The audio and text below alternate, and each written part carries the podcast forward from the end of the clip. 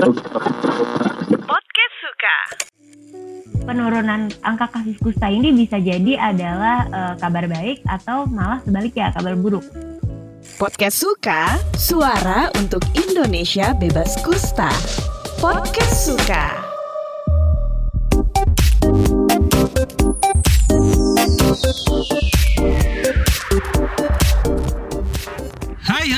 Kembali lagi kamu mendengarkan podcast Suka atau Suara untuk Indonesia Bebas Kusta. Dalam podcast yang dipersembahkan oleh NLR Indonesia ini, kita akan mengulik segala informasi tentang kusta, cara menangani pasien kusta, hingga berbagi pengalaman dengan para pakar dan orang yang pernah mengalami kusta atau OYPMK. Masih ditemenin sama Indra Saputra di episode kali ini yang akan membahas tema gaung kusta di udara. Anyway, perkembangan informasi menjadi semakin cepat di era digital. Untuk mengimbangi hal tersebut, sudah selayaknya masyarakat pun memiliki tingkat literasi informasi yang semakin baik nih. Salah satunya adalah literasi kesehatan. Namun, tantangan besarnya adalah begitu maraknya informasi yang tidak valid atau hoax. Hoax tentang kesehatan yang sering beredar, salah satunya adalah tentang penyakit kusta. Banyak yang bilang kalau kusta ini disebut sebagai penyakit kutukan atau tidak bisa disembuhkan dan perlu dijauhkan katanya. Orang yang terdiagnosa kusta maupun penyandang disabilitas akibat kusta ini sering kali mendapatkan stigma dan perlakuan yang diskriminatif dari masyarakat karena misinformasi yang beredar. Untuk itu, NLR Indonesia bekerja sama dengan KBR dalam meningkatkan akses publik terhadap informasi dan pengetahuan tentang kusta dan disabilitas. Apa saja sih kegiatan yang dilakukan untuk melawan hoaks dan stigma terkait kusta? Dan kenapa nih isu kusta dan disabilitas perlu terus digaungkan? Bisa dibilang Indonesia masih belum bebas kusta nih. Bahkan, Indonesia termasuk negara dengan peringkat ketiga total kasus kusta terbesar di seluruh dunia. Pemerintah sendiri sebenarnya telah menargetkan untuk memberantas kusta secara menyeluruh di Indonesia pada tahun 2020. Namun kenyataannya, temuan kasus baru kusta masih selalu tinggi.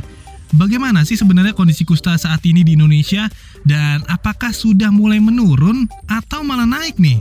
Yuk sama-sama sekarang kita dengerin penjelasan dari Dr. Febrina Sugianto selaku Junior Technical Advisor NLR Indonesia. Kasus kusta di Indonesia dari tahun 2020 itu jumlahnya 16.700. Turun sebenarnya dari tahun 2019 yang 17.439. Nah, penurunan angka kasus kusta ini bisa jadi adalah uh, kabar baik atau malah sebaliknya kabar buruk.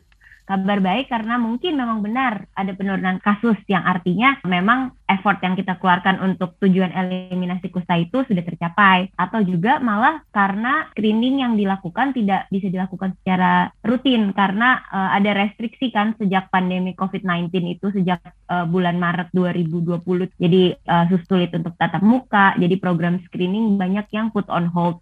Nah itu mungkin mungkin juga penurunan kasus bisa disebabkan oleh itu. Kalau di Indonesia sendiri, uh, sebanyak 26 provinsi telah mencapai eliminasi kusta. Masih ada 8 provinsi yang belum mencapai eliminasi, yaitu Sulawesi Utara, Sulawesi Selatan, Sulawesi Barat, Gorontalo, Maluku, Maluku Utara, Papua, dan Papua Barat. Sementara terdapat 113 kabupaten atau kota yang dilaporkan belum mencapai eliminasi kusta. Dari 514 kabupaten kota yang tersebar di 22 provinsi di Indonesia. Proporsi kasus anak itu masih relatif tinggi. Di 2019 itu ada 11% dan di 2020 ada 10%. Kalau untuk hoax atau mitos yang sering banget uh, beredar terkait kusta itu yang pertama uh, banyak banget orang uh, yang masih berpikiran bahwa kusta itu adalah kutukan akibat dari terkutuk uh, ataupun dosa yang dilakukan di masa lalu. Hmm. Jadi kayak karena karena sudah berdosa jadi terkena kutukan hal-hal seperti itu.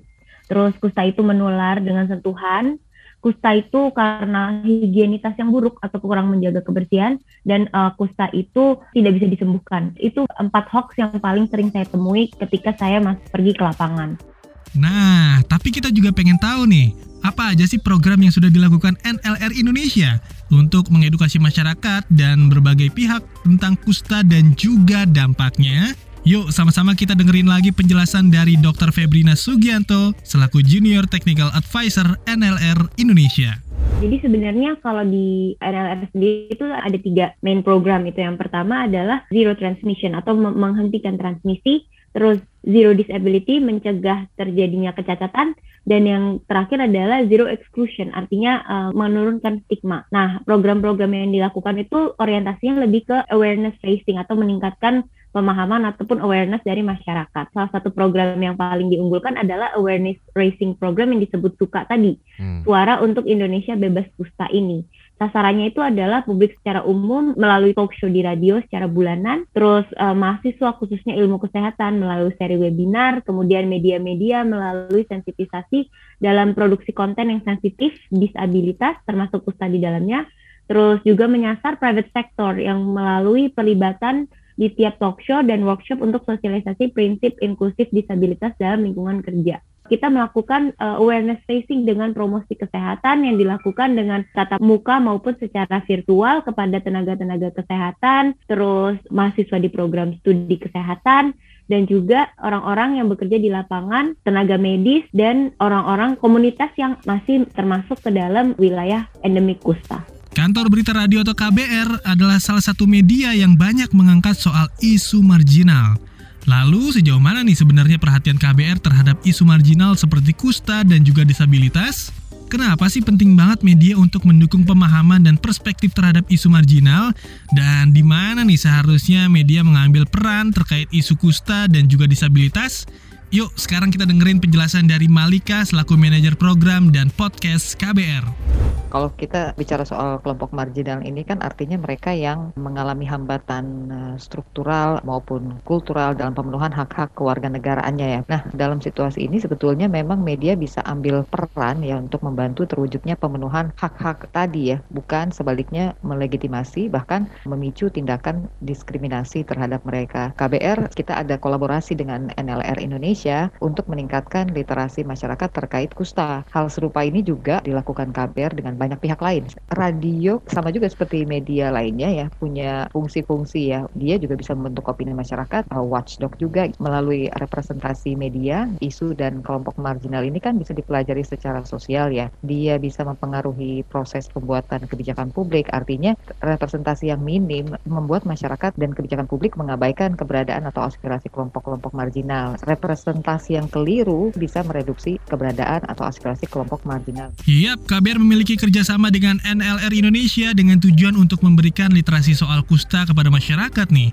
melalui talk show, podcast, yaitu podcast suka ya atau suara untuk Indonesia bebas kusta dan juga ada webinarnya nih. Tapi kita pengen tahu nih, Anda pun pasti penasaran dong, seperti apa sih strategi KBR untuk mengangkat konten seputar kusta dan juga disabilitas? Dan bagaimana nih KBR mengemas isu kusta dan disabilitas ini supaya lebih menarik gitu ya?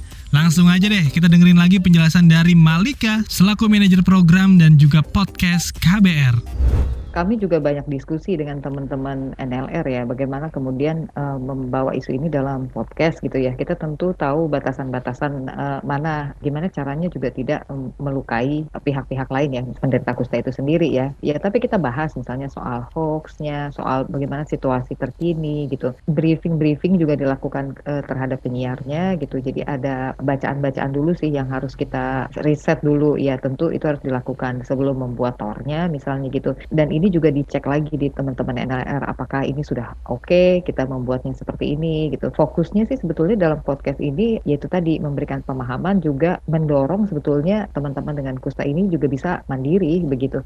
Itu sih yang dilakukan sebisa mungkin sih kita berada dalam koridor yang betul gitu ya jangan sampai justru kita mengangkat ini niatnya meruntuhkan stigma malah justru menguatkan kayak gitu-gitu. Yap, terima kasih sudah mendengarkan podcast Suka atau Suara untuk Indonesia Bebas Kusta. Kalau misalnya kamu punya ide atau masukan, boleh banget ya. Langsung email kita aja ke podcast at kbrprime.id dan tulis di bagian subjek podcast Suka hashtag suara untuk Indonesia bebas kusta dan jangan lupa juga untuk ikuti podcast yang cocok dengan curious kamu di www.kbrprime.id atau platform mendengarkan podcast lainnya. Follow kita juga di Instagram di @kbr.id. Indra Saputra pamit sampai jumpa di episode selanjutnya di podcast suka suara untuk Indonesia bebas kusta. Podcast Suka, suara untuk Indonesia bebas kusta dipersembahkan oleh NLR Indonesia. Podcast Suka.